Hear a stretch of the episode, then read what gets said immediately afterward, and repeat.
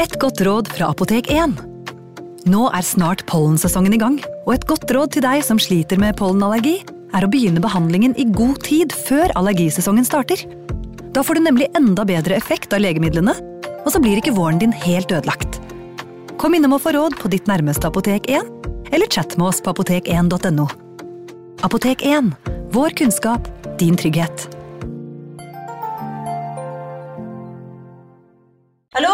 Jeg kommer fra Oslo politikammer. Ine Jansen er purk. Er du purk? The motherfucking bitch. Alt jeg vil, er å finne ut hva som skjedde med mannen min. Jon Carew. Er jeg sikta for noe? Iben Akeli. Det er du. Ole So, Lars Berrum og Big Daddy Karsten. Hvem sin side er du på, egentlig? Anette Hoff, Tone Danielsen, Kommer du fra Afrika? Jørnis Josef, Nesten. Kløfta. Trond Espen Seim, Det er synd å si det, men det var feil mann som døde. Purk. Premiere tirsdag på TV2 Play.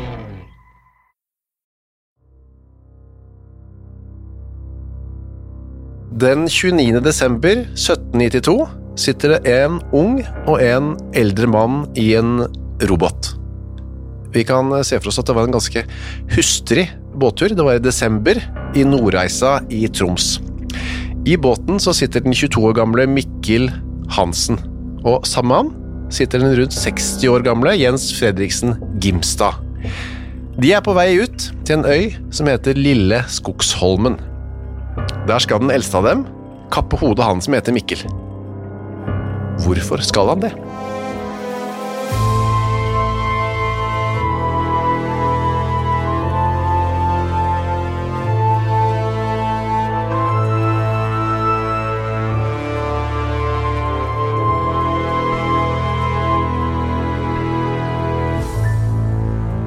Velkommen til henrettelsespodden. Det er altså deg, Torgrim Sørnes, vil du si hei? Hallo. Som er henrettelseseksperten blant oss. Eh, Du er lege, egentlig, gynekolog har du jobbet som. Stemmer. Nå er du pensjonert, og kan Absolutt. vie all din tid til grusomme ting fra fortida. Heldigvis. Heldigvis, ja. Endelig.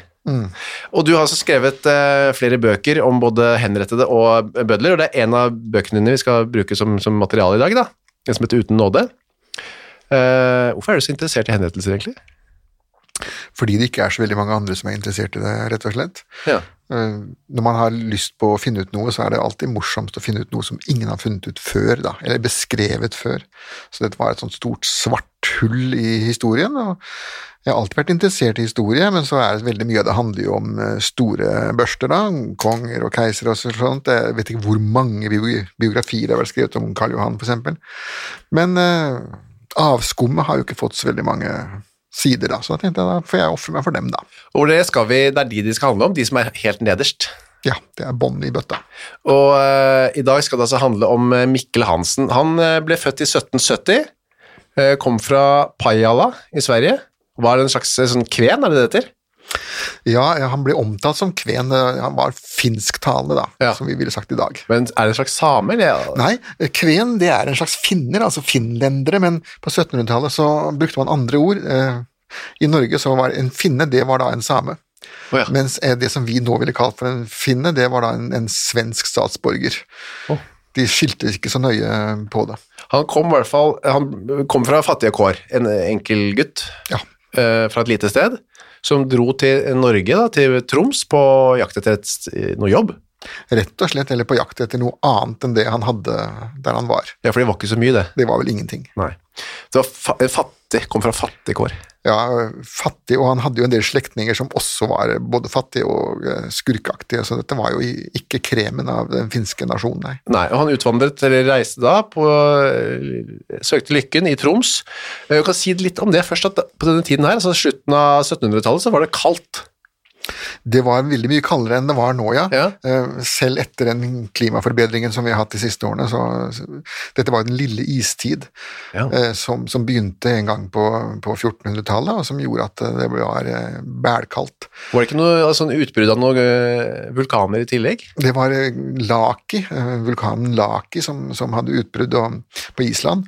Den ødela jo klimaet fullstendig, og altså det ble fullstendig uforutsigelig Ja. vær. Hvilket da medførte også at avlingene i hele Europa eh, gikk skeis. Eh, Det ene året så ble det for mye brød, og prisene falt. Det andre året så ble det ikke brød i det hele tatt, og prisene steg. Og det var vel muligens det også som utløste sånne ting som den franske revolusjonen og napoleonskrigene. Og, Ja, fordi det ble så vanskelig å rett og slett være de som ja, livet ble uforutsigelig, og da skylder man gjerne på myndighetene. De hadde vel andre ting som var litt ugreit òg, kanskje fra før av? Det hadde de også, men det hadde de levd med i mange hundre år. Ja, Ja, ja. Men eh, når, når eh, matvareprisene fluktuerer, da begynner folk å knytte nevene i bukselomma. Det har jo alltid vært sånn. ja. Ok, men også i, i Norge var det da altså veldig konkrete effekter, annet at det hadde vært noe sånn voldsomt med flom eller et eller annet i Gudbrandsdalen. Ja, stemmer det. Storofsen, ja. Det var Ja. ikke bare Gudbrandsdalen, Østerdalen og Gudbrandsdalen og ja. flere av de store vassdragene som ødela bondegårdene, og så ville da disse stakkars menneskene som hadde bodd der, få erstatning. Men kongen hadde ikke noe erstatning å gi dem, så han sa da kan dere heller reise til Troms, og så kan dere få gratis jord der, da. Ja. Eh, Den jorda som han delte ut, tilhørte jo i utgangspunktet da samene, men det brydde jo ikke han seg så fryktelig mye om, fordi de var jo mer nomader og var utenfor totoen hans, da. Og da var det hos noen av disse utvandrete, altså inn- innad i Norge, da, som eh, både Mikkel og hans etter hvert kompanjong Moses Samuelsen fikk jobb hos. Ja, eh, de trengte jo eh, billig arbeidskraft. Ja. Og eh, den billigste arbeidskraften var jo nettopp innvandrede finner og svensker, som da lå lavere i, i takst. Riktig. Så da fikk da Mikkel Hansen jobb hos en som heter Hva het nå han? Harder. Hans Petter Harder. Ja, eh, dette var jo sånn at det var et gods, veldig mye av Troms som var delt opp i sånne store gods, mm. som ble styrt eh, nærmest som en slags bedrifter. Eh, Og eh, hver, den selve bedriftseieren, eller godseieren, var ofte ikke til stede i det hele tatt. Han kunne f.eks. befinne seg i Danmark. Ja. Og så var det fullmektiger og fullmektigenes fullmektiger, og de fleste ville jo ikke oppholde seg i Troms hvis de kunne unngå det. Det var så kaldt og mørkt. Og, kaldt og mørkt, og, og det ikke var det restauranter og barer og Ja. aviser. Og, altså, det var jo samme grunn som nå, da, at de fleste vil gjerne være i Oslo eller København. Det var ikke noe annerledes på, på 1700-tallet. Så at de, de, måtte, de måtte delegere det vekk til den som ikke kunne si nei. ja. Det som skjedde i hvert fall var at både altså Mikkel Hansen fikk seg jobb hos en som heter Harder, og han fikk et tips om at boden hans var eh, ulåst på kvelden, sjøboden, og så var han nede og stjal noe greier da, eh, med Mikkel. Ja. Stjal brennevin og en lue, visstnok. Det var veldig påfallende at alle tyvene på 1700-tallet de stjal eh, fra boder, sånn de stjal noe som ikke var så veldig mye verdi. Ja, men det var, han, litt, han trengte brennevin og trengte vel en uh, lue, da? Eh, Ja, rett og slett. eh, Og, og man risikerte jo ganske mye ved å bryte seg inn sånn. Da. Straffene for tyveri var jo mye hardere den gangen enn enn nå. Så bare det at han bryter seg inn og så stjeler noe som egentlig ikke har noe verdi i det hele tatt, viser jo at intelligensen har vel ikke vært Dette var ikke den skarpeste kniven i skuffen. Nei. Og så var det eh, en som het Moses, da, Moses Samuelsen, som også var en sånn innvandret, eh, var det det? Så, Han, han kom også fra, fra Finland via Sverige, da. Moses eh, hadde også lyst til å prøve seg på denne boden, og han stjal da mer. Han stjal jo noe sølv og noe greier og greier. Knapper og smykker og skjeer. Og Ja, for 400 riksdaler, står det. Ja, det er ganske stor sum, så han var nok litt mer profesjonell eh, person, da. Og så eh, reiste de av gårde, og opp til eh, noen slektninger av Moses, som heter, eh, som heter Berit. Og hun bodde litt lenger eh, nord, var det det? I hvert fall i nærheten der, da. Og eh, der deponerte disse gutta Moses og Mikkel, for de skjønte at de kom til å bli tatt, tyvegodset hos hun Berit, hva? Det hadde hun sikkert ikke noe imot. Nei. Og da, men da sa eh, hun Berit, kan ikke dere plyndre en annen gård her som heter Rottsund? Som også var drevet av en sånn eh, innvandrer. Ja, sånn det var, det var eh, fru, enkefru Hysing som, Ja. som var sjefen der. For hun Berit hadde, dette høres nesten for godt ut til å være sant da, at hun hadde solgt smør og ikke fått betaling av denne fru Hysing. Det var slik den ble fremstilt, ja. Eh, I rettssaken? Ja, ja. Hvor mye smør hun egentlig hadde solgt, det, det fikk vi aldri greie på, men man antok at det var det som var grunnlaget for hennes hat mot fru Hysing. Ja, så da ville Berit, fasteren til Moses, at de skulle plyndre denne gården, og helst brenne det, og dermed drepe også denne eh, Madame Hysing da. Ja, hun mente vel også at man kunne like gjerne drepe alle som var på den gården. Hun eh, så stort på det. Ja, hun var ganske hard, fast, faster Berit. Jeg tror at for å leve i Troms på 1770-tallet, så måtte man vel være hard. Man måtte det, enten var man det, så ble man det. Ja. Ok, så prøver de på dette, de stjeler noen greier, flasker og holder på noen riksdaler i penger og sånn, men så blir de oppdaget, heldigvis, før det blir eh, brann, da, og satt, de blir fanget. De prøver å rømme, men de blir fanget. Eh, og, og så begynner jo selve eh, det blodige her, da. For da sitter de, mens de venter på rettssaken for dette tyveriet, så foreløpig da to tyverier, som ville gitt en eller annen fengselsstraff, sikkert. Ja, det vil, det vil si 400 innbrudd med 400 daler, da ble man hengt. Å ja, ok, allerede. Så Moses kunne risikere å bli hengt. Så de var allerede i skikkelig trøbbel. de var i trøbbel, ja. Eh, Hvis man stjal litt, eh, så kunne man slippe unna med fengselsstraff. Men hvis man brøt seg inn, eh, altså innbrudd, Ja. da skulle man henges. Ok, så de lå tynt an, i hvert fall Moses. Eh, det som er litt fascinerende, under denne rettssaken så blir de, sitter de i kjelleren på Råttsund, der hvor de skulle plyndre, og helst brenne da. Det er der, det er der de sitter fanget. Mens denne rettssaken begynner, og da sier jo eh, Moses at disse jern skal ikke holde meg. Han er, han er klar for å rømme, han. Ja, han er nok en litt hardere nøtt enn det Mikkel Hansen var. Ja, for Mikkel var han litt mer sånn troskyldig, naiv. Ja, altså, dette var jo en sånn tosk som stjal en flaske brennevin, ikke sant, mens Mikkel Hansen gikk jo for eh, de store verdiene, da. Ja, omvendt. Moses. Moses, ja. Ja. Ok, så under, mellom disse rettsmøtene, hvor de, Moses og Mikkel sitter da i kjelleren, en slags, eh, det er jo ikke et fengsel, det er en kjeller, et kjellerrom da, av noe slag. Ja, de hadde jo ikke noe fengsel. Nei. Eh, Man måtte bare putte dem inn i den kjelleren det var plass, og vanligvis i Norge så blir de da satt i lensmannskjelleren, av og til i kjelleren hos fogden, men i Troms var det så lange avstander, så Ja. da puttet man dem like gjerne inn hos eh, fru Hysing selv.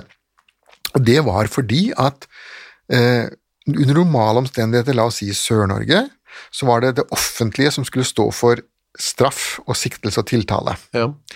I Nord-Norge, disse svære godsene, der var det godseieren som på en måte hadde sikt- og sakefallsrett. Det var godseieren som skulle fengsle dem, det var godseieren som skulle sørge for å få dem tiltalt, og det var også godseieren som skulle ta bøtene hvis det var bøter. Ja. Så Derfor så var det logisk at det var fru Hysing selv som skulle sørge for at de satt arrestert inntil dom var falt. Det er jo litt ugreit. Først får du to sånne, hun visste ikke da, men blodtørstige typer inne i, huset ditt, og så etterpå må de bare fortsette å være der. Ja, og spesielt når man tenker på at de, de som skulle bevokte dem, var jo ikke trente fangevoktere. Nei, det det var jo sånn. gårdsgutter og, og, og, og jenter og drenger som skulle fungere som sluttere plutselig, da, og det hadde jo ingen opplæring i det, og visste heller ikke hva de drev med, tydeligvis. Det var i hvert fall ikke noe tvil om at det var kaldt. Men han Moses hadde bare på seg en skjorte nede i kjelleren sin. Ja, eh, fanger sto jo ikke høyt i kurs, Nei. eh, og spesielt ikke tyve. Vi har mange beretninger selv fra profesjonelle fengsler i Norge, at de, de frøs jo omtrent i hjel og, Ja. og fikk meget mager kost. Var det nesten sånn at man håpet litt at de skulle stryke med, så man slapp liksom mer utgifter og styr med det, eller? Eh, Det ble veldig mye styr hvis de strøyk med, for det gjorde de jo Ja. av og til. Eh, Da ble det også masse brev fram og tilbake til København at nå sitter vi her med et lik, og hva gjør vi med det? Ja. Eh, Og, og, så det ble også en, en ikke kostbar, men litt sånn tuvlete affære. Ja, så det var, de var ikke interessert i at de skulle dø heller, da. Eh, Nei, men de skulle heller ikke eh, bli feitere. Nei. Og det som var litt sånn tabbe her, var jo at eh, siden det var så kaldt, så måtte de fyre i kjelleren, men de fikk en øks utdelt. Og det pussige, hvis man leser 1700-tallets historie, at de fikk jo alle økser. Å, gjorde det? Ja, Alle som satt i fengselet, satt der og hogde sin egen ved. Og med jevne mellomrom så hogde de også fangevokteren. Ja. Så dette var ikke første eller siste gangen det skjedde. Det, det det skyldes, er jo selvsagt at fangevokterne her, de, dette var deres ekstraarbeid. Ja. Dette var ikke deres jobb. Nei. Eh, Så de gadd jo ikke hogge ved til disse to her, de kunne jo hogge veden sin sjøl. Ja. Og da kunne til gjengjeld fangevokterne ta seg en lur, hvilket de jo da ikke skulle gjøre, men hvor de da alltid gjorde. De gikk og la seg. Fordi de var fulle, eller hva? Ja, de var vel trøtte, for det første, og, og, og syntes at det å sove skulle man gjøre om natta, og nå satt disse her i cella si, og dette var jo troskyldige mennesker som som sagt ikke hadde noe som helst erfaring med kriminalitet, annet enn eh, slagsmålene på lørdagskvelden. Altså. Ok, så det er i hvert fall som skjer da, og det skriver du jo i boka di, at det kan ha vært en fordel at de ble såpass eh, lite bespist, fordi de klarte å komme seg fri fra disse jernene de var festet med. Ja, for dette var jo råjern, dette var jo ikke stål eller noe sånt, Nei. dette var noe som smeden på stedet hadde lagd til dem. Hva var det, hva var, hva var det man ble festet med da? Det var, eh, du, De begynte iallfall med jern rundt anklene, Ja. det, var det, det var det vanligste. Og så kunne de også ha på seg håndjern, men eh, det hadde ikke disse her. fordi at hvis de hadde hatt håndjern på seg, så hadde de jo ikke kunnet hogge ved eller Nei. spise. Noe av de aller verste hadde også en, en, et lenke rundt livet som lenka dem fast til veggen. Ja. Mens eh, her snakker vi stort sett om fotjern. Fotjern som er festet til, Til veggen. Til veggen, ja. Ja. Men det, det klarte de altså å lirke føttene sine ut av, da, på en eller annen måte. Ja, det, det, de, kom seg, de kom seg løs, eh, og fikk Dessuten så satt jo disse jernene ofte veldig løst i veggen. Eh, Du må se for deg en gammel kjeller Ja. eh, med dårlig murpuss. Vet man noe om hvem som liksom var Var det Moses som eh, var liksom eh, Hjernen, hjernen her? ja? eh, han var nok hjernen, Ja. eh, absolutt. Eh, Han var jo den som fremstår som den minst eh, idiotiske av disse to karene. Da. Jeg vil ikke si mest intelligente, for det var jo, ingen av dem var jo det, men Nei. De kom seg i hvert fall løs fra disse hjernene, og det, det er i slutten av november, da. Hvilket år er vi da? 1790, ja. Og da, det som er interessant, de kommer seg ut, og, men i stedet for å liksom sikte til skogs eller til havs, så går de inn på nærmeste stabbur og henter mat og drikke, og bærer det tilbake til kjelleren. ja, det sier jo ikke så lent lite, altså.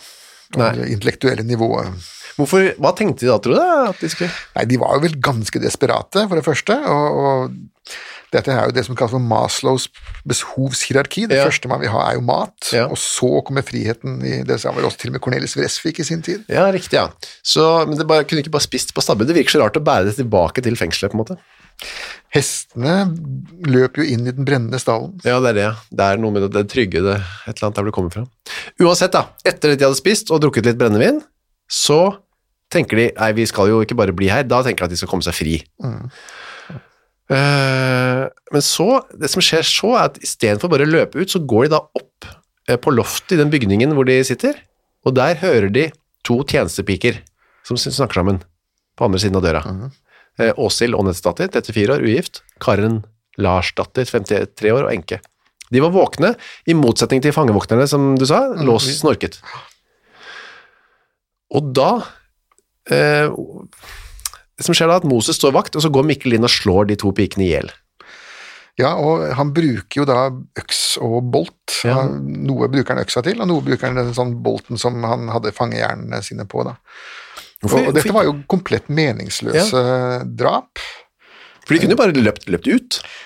Det kunne de bare gjort. Ja. Eh, Så at det man kan spørre seg nå, er liksom den tiden de satt i eh, fangehullet og holdt på å sulte i hjel og fryse i hjel, hva har det gjort med deres eh, innstilling til sine medmennesker på Ja. gården? da?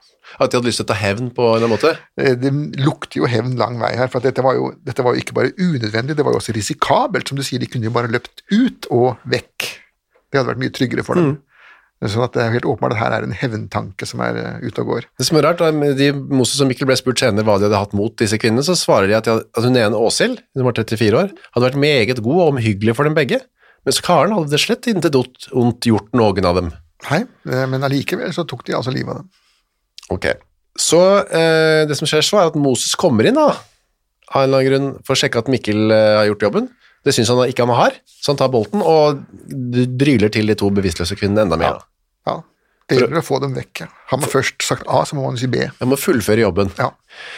Men så rømmer de, og kommer seg ut, eh, og løper langs fjæra, står det her da. Dette, alt dette er jo basert på um, forklaringen i rettssaken Mm, ja, scene, ikke sant? Uh, og så løper de inn langs strandkanten, og så inn i skogen, og så uh, er de på flukt noen dager der, hvor de hører gjøne hunder og menn som Ja. heter dem og sånn.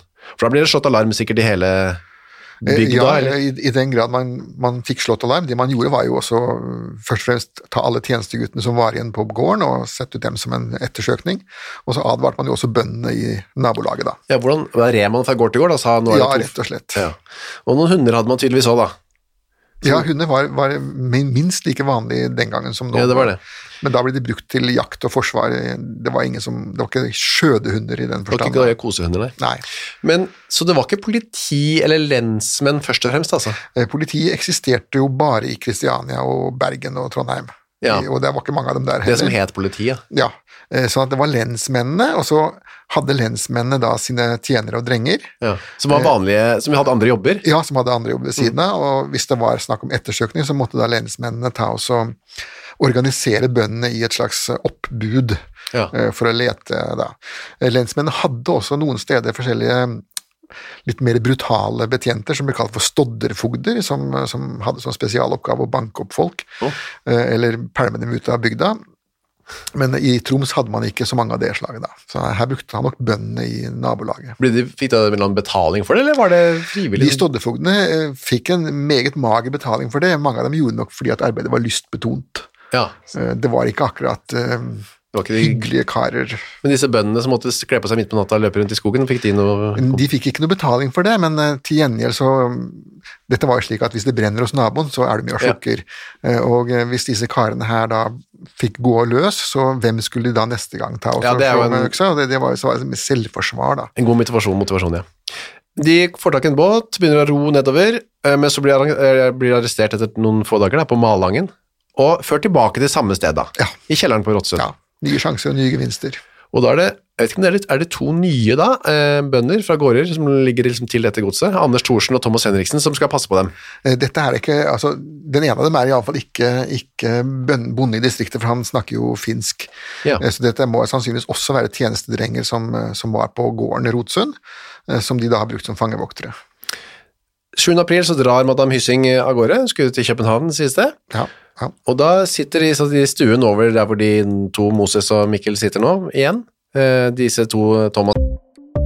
Ukas annonsør er Cura of Sweden. Visste du at verdens søvndag feires den 15. mars? Nei. Det er en dag som er til for å skape oppmerksomhet rundt dette med søvn. Da. Og så er det en god anledning til å tenke over dette med egne søvnvaner. Jeg er jo veldig glad i å sove, jeg er også glad i å tenke på å sove, og så veldig glad i å glede meg til å legge meg. Jeg så på Squid Game med familien her eh, rundt juletider. Der legger jo deltakerne seg eh, hver kveld da, i sengene sine, og da, det kunne jeg nesten synes var høydepunktet av Squid Game, var når deltakerne la seg. Jeg synes det så så deilig ut å legge seg. Nå hadde ikke de Cura of Sweden vektdyner, da, riktig nok, eh, som hadde gjort det enda bedre. Det er en ny studie nå fra Uppsala universitet som viser at vektdyne, bruken av det, øker melatoninnivået hos friske unge voksne eh, når de legger seg. Da. Og melatonin det utskilles for å fortelle kroppen at det er på tide å sove, og så kan det bidra til å øke trøttheten. Da. Med andre ord, har du en vektdyne fra Cura of Sweden, så får du mer melatonin og enda bedre søvn. Da. I tillegg til vektdyner og tepper, så har Cura også andre produkter som skal gjøre søvnkvaliteten vår bedre, blant annet AirTemp-madrassen de har, som hjelper til med å regulere kroppstemperaturen. Altså, det er så mye å boltre seg i for oss som er glad i å sove. Og fram til 15. mars så feirer Cura verdens søvndag med opptil 60% rabatt på curaofsweden.no, og bruker du koden vår HENRETT med to t-er, får du i tillegg 25% avslag på både originale og nedsatte priser. Sov godt! Ukas annonsør er Nextory. På Nextory så finner du hundretusenvis av eh, e-bøker og lydbøker.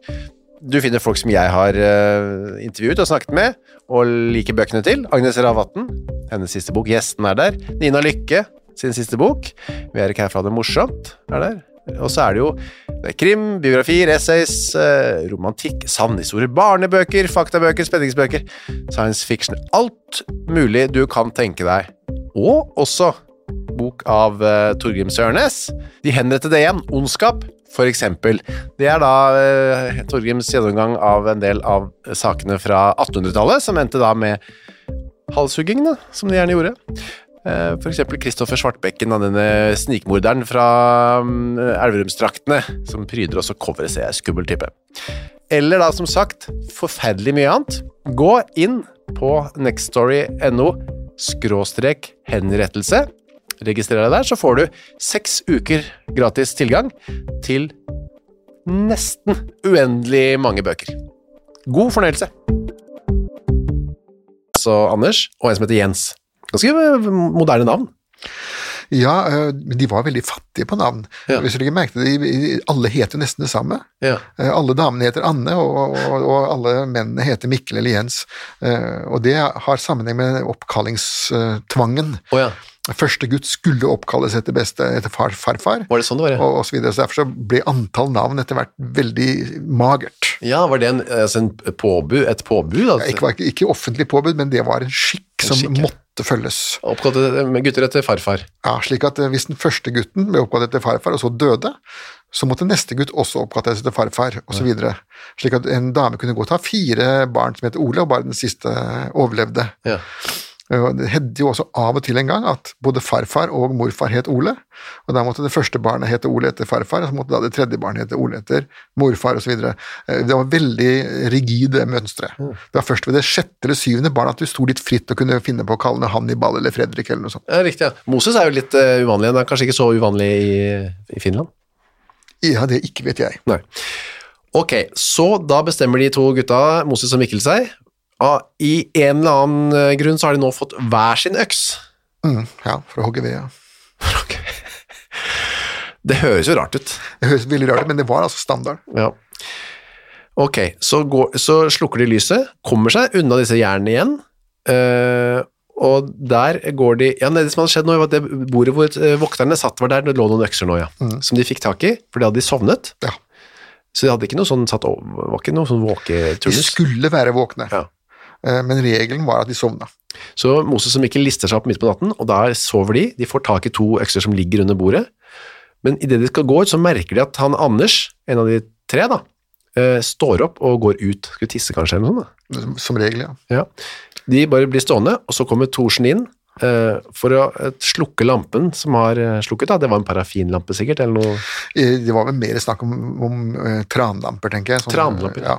Parafin var jo ikke noe de hadde flust av den gangen, men tran og sånne ting som de fikk fra dyrene, det Ja, men det var en olje fra en olje, som, som animalsk olje. Som, som luktet det vondt, eller?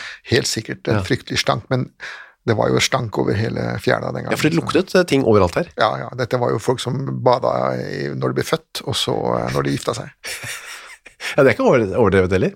Nei, hva var skrev? Hva var um, folk i Kongsvinger var de rensligste i hele landet, for de badet både til påske og til pinse, som det sto. Ja. Eh, Men ikke resten av året. Mens i Nord-Norge var det jo enda verre, da. Ja, Det var, det er så lite, ja, det var lite ved å fyre med, og skulle jo ha varmt vann. Ja. Og som sagt, det var så kaldt. Og, nei, så det gikk av stinka, da. Det merket de sikkert ikke, man gjør gjerne ikke det når man lever i det. Nei, man blir vant til det. Ok, idet han skal til å slukke, nei, tenne denne slukkede lampen, Anders Thorsen, så tar Mikkel, av, nå har han plutselig tatt initiativ her da, og dundrer øksa si i hodet til eh, Anders Thorsen, så det, av alle krefter står det, så med den, eh, ja, i, på høyre side av skallen, og ut gjennom knoklene på andre sida da. De brukte veldig ofte øksehammeren, de gamle morderne. Var det det de gjorde? Fordi at hvis du bruker den skarpe delen av øksa, så risikerer du at den blir sittende fast. Ja, Og da er du jo vergeløs. Riktig. Så det var veldig en forkjærlighet for å bruke øksehammeren hos eh, 1700-tallets eh, øksemordere. så bare snudde den, og så dundra det som Ja, en klubb, ja. hard klubbe, da, en Ja, hammer. rett og slett. Ja.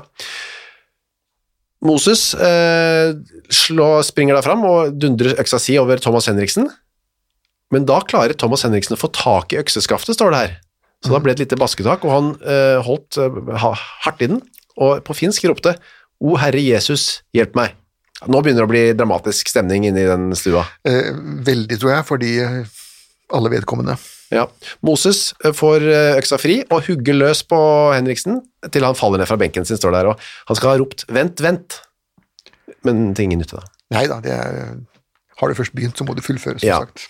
Og så er det en til igjen da, Jens Pedersen, stakkars, han lot som om han sov, visstnok for å slippe unna. Men Moses eh, skjønte at han, eller han tok ingen sjanser, han løp bort til Pedersen og hugget han med øksen og, og falt til, eh, nei, først så sprang han opp, og så slo han eh, en gang til, og da datt han til gulvet. Og da tenker man kanskje at nå løper de av gårde, men da, det er jo ikke over ennå. Nei da, det var flere folk igjen på gården, og eh, man må jo hele tiden ha i bakhodet her den oppdraget de hadde fått av eh, fasteren. Ja, De skulle utrydde hele Rotsund gård. det var liksom drømmen til faster Berit, det der. For det smøret. Dyrt smør. Veldig. Og de løper ut da, Moses og Mikkel, og møter eh, kona til Thomas, han som ble drept som nummer to her da. Uh, og han, hun har et, til og med et lite barn på armen, men heldigvis så sier da Moses, hvis du ikke vil gå inn, så skal jeg, eh, gå inn, hvis du ikke vil gå inn, så skal jeg slå deg. Hun svarte noe med gråtende stemme som Moses ikke forstod da. Nei, nei, men hun gikk jo. Fordi han snakket ikke norsk. Han snakket ikke norsk. Nei, Men hvordan forstod han egentlig, hvordan gjorde han seg forstått i, var det, nei altså veldig mange av de som, han, eh, som var der, snakket jo også finsk. ja, så det var mange som snakket finsk Ja, der? Ja, flere av disse tjenestefolkene der var jo opprinnelig også finner. Ok, oppe i det kaoset så ser du en annen uh, pike som heter Inger, som prøver å løpe ut gjennom et hull i veggen. Hva slags hull er det? Ja, det er glugger. Man har Glugger, ja. Glugger, glugger som, som eh, de Vinduene på sånne gårder var jo veldig små. Ja, for man hadde ikke som- Glass og sånn var jo Eh, dyrt. Det var veldig dyrt, og det skulle man helst rasjonere på. Og i tillegg så kunne jo kulde komme inn, da det var, gjaldt jo først og fremst å holde tingene varme. Så det var Ja. små glugger som de, som de hadde da. Så hun prøvde å eh, stikke ut gjennom dette hullet, forståelig nok da.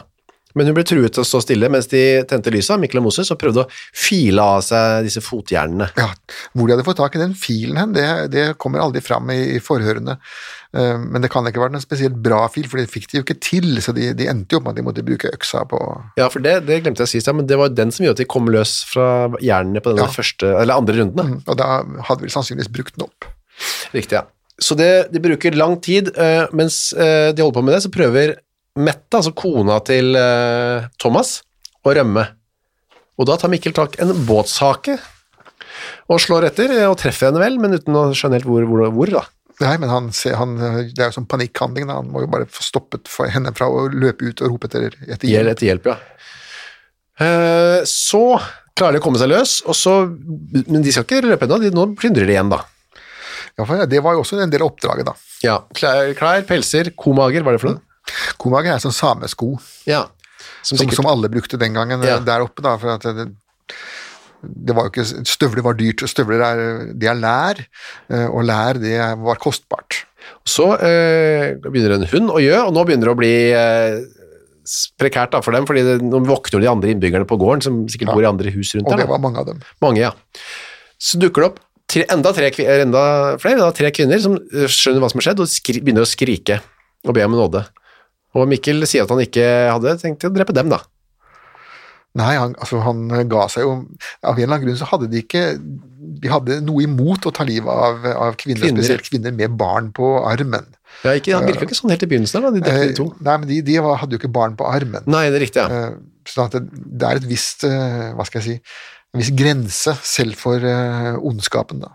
Moses kommer ut og sier at han skal slå dem i hjel hvis de ikke gir ham eh, nøkkelen til eh, stabburet og slår alarm. Da. Så- får de nøkkelen til stabburet og henter seg enda mer mat. Brennevin, eh, noen lommeur og noen kvinneklær. Ja, Det var sannsynligvis da faste Berit som skulle eh, Ja. kles opp. De har henne i mente hele tiden her. Så tar de en, eh, gjør klart en båt, eh, og Mikkel tar en siste runde gjennom stuen da, og ser at han Anders Thorsen, han eh, var faktisk ikke drept, han. Ikke helt. Nei, Han lå og strøk seg utover øynene, står det. Ja. Setter han og Moses, for han lar bare han ligge da. Han var jo regna for å være døende, da. Ja, så løper Mikkel og Moses eh, opp i en båt og ror vekk. Mens da, og da finner kvinnen, denne 56 år gamle Anders Thorsen, han er i ferd med å dø, og han sier at uh, han får, ber dem her fortelle hvor noen gjenstander han har lånt ligger og sånn, for, for Han å gjøre opp for seg. gjøre opp for seg. Og så ber han om litt mat, Og så dør han. så dør han, ja.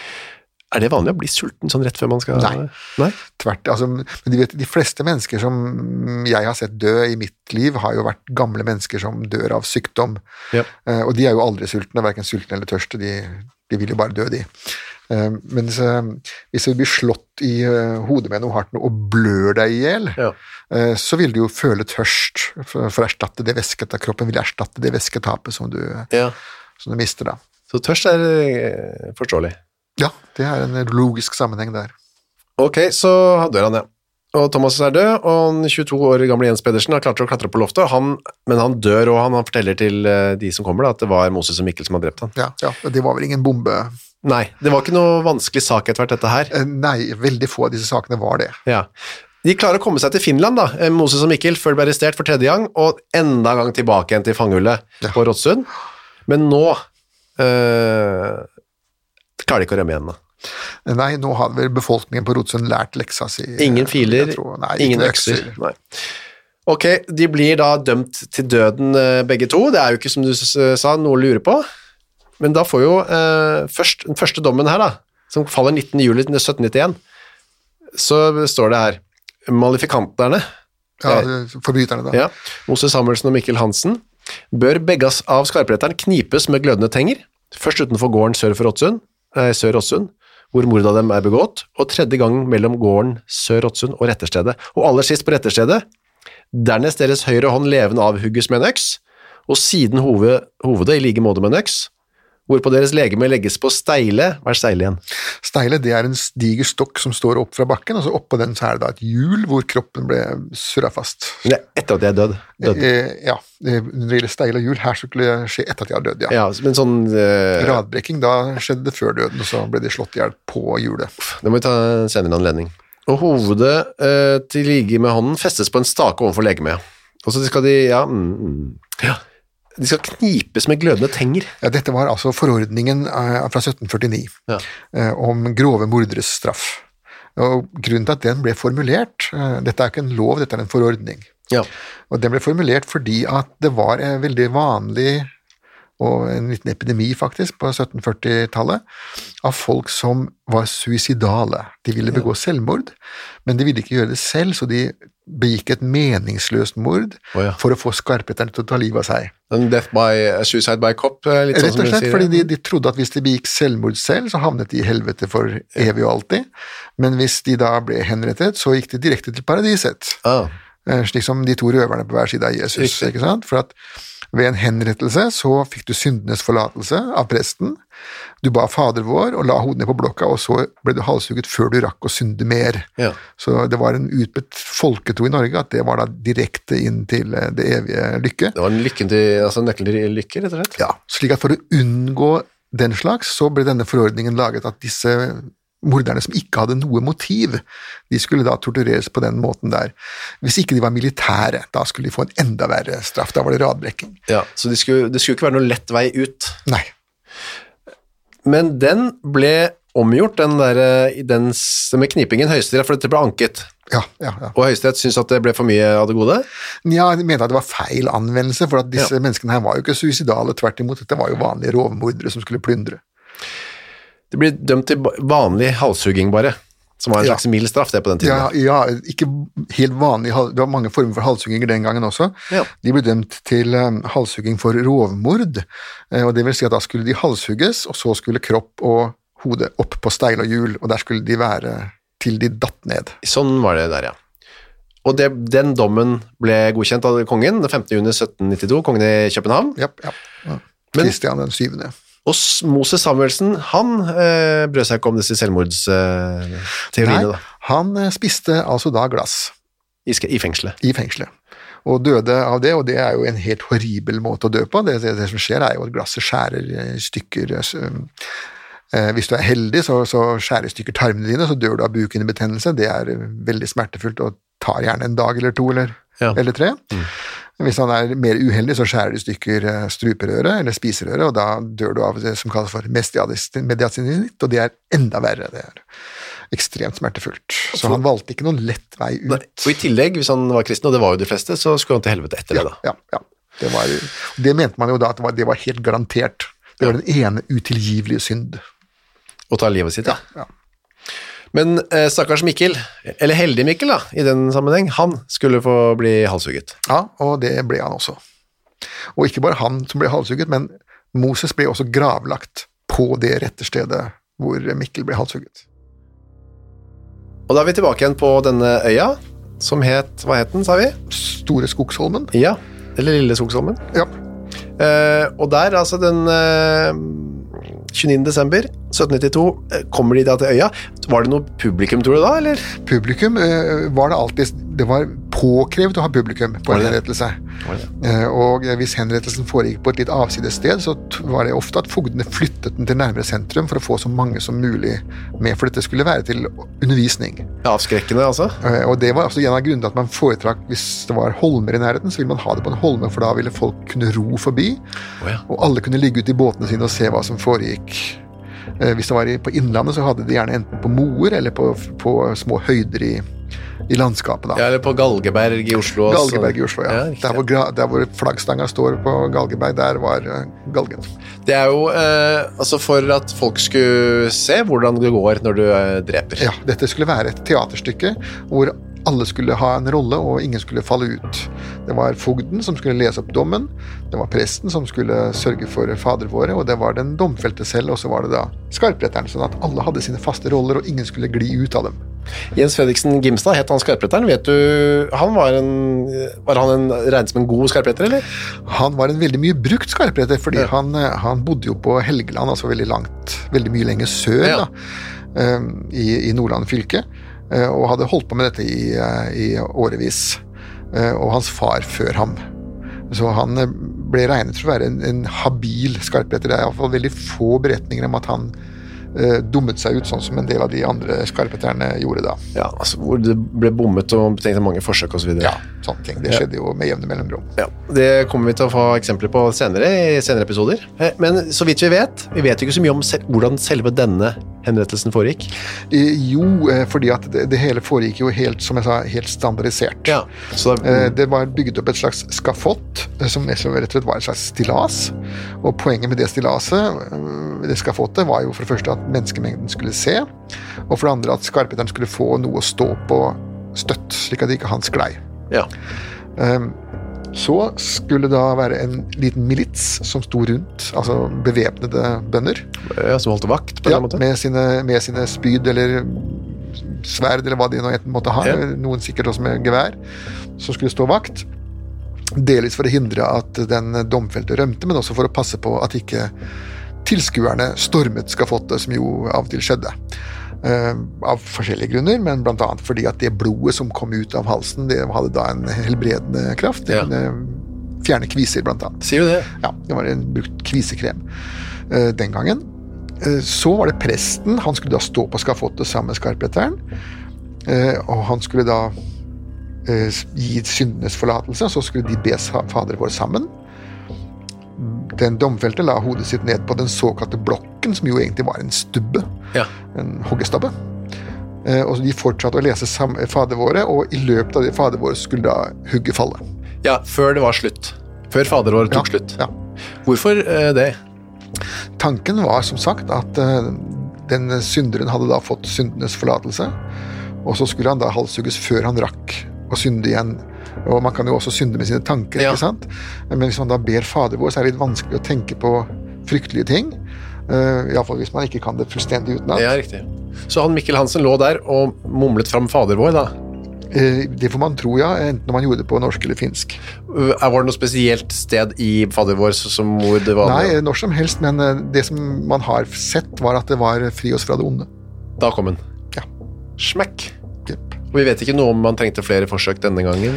Det er ikke beskrevet at dette her var noe spesielt uh, mangelfullt utført, nei. Men han var jo, mannen var jo 60 år, så han uh, Ja, Det var mye på den tiden? eller? Ja, ja, ja. ja. Men, og, men uh, den gangen så holdt man på med jobben sin helt til man døde på post. Det var ikke noen pensjonering den gangen. Nei. Ok, så den 22 år gamle Mikkel Hansen mistet hodet på Lille Skogshammen den 29.12.1792. Det er fremdeles en liten grav der, visstnok. Ja, for da ble hodet hans satt på en påle? Hodet ble satt på en påle, og, og kroppen som sagt på en steile. Et slags hjul oppå. Og Moses ble jo gravlagt der også.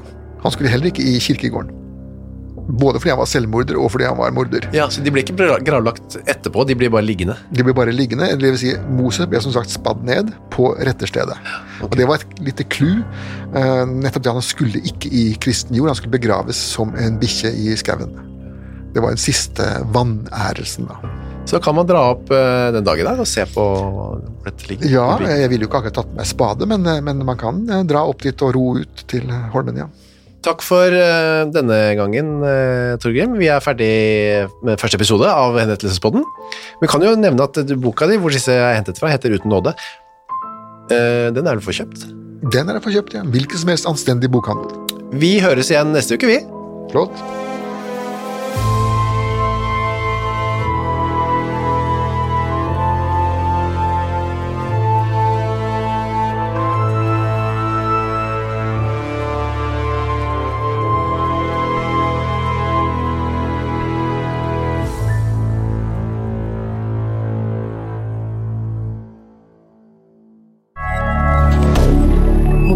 media.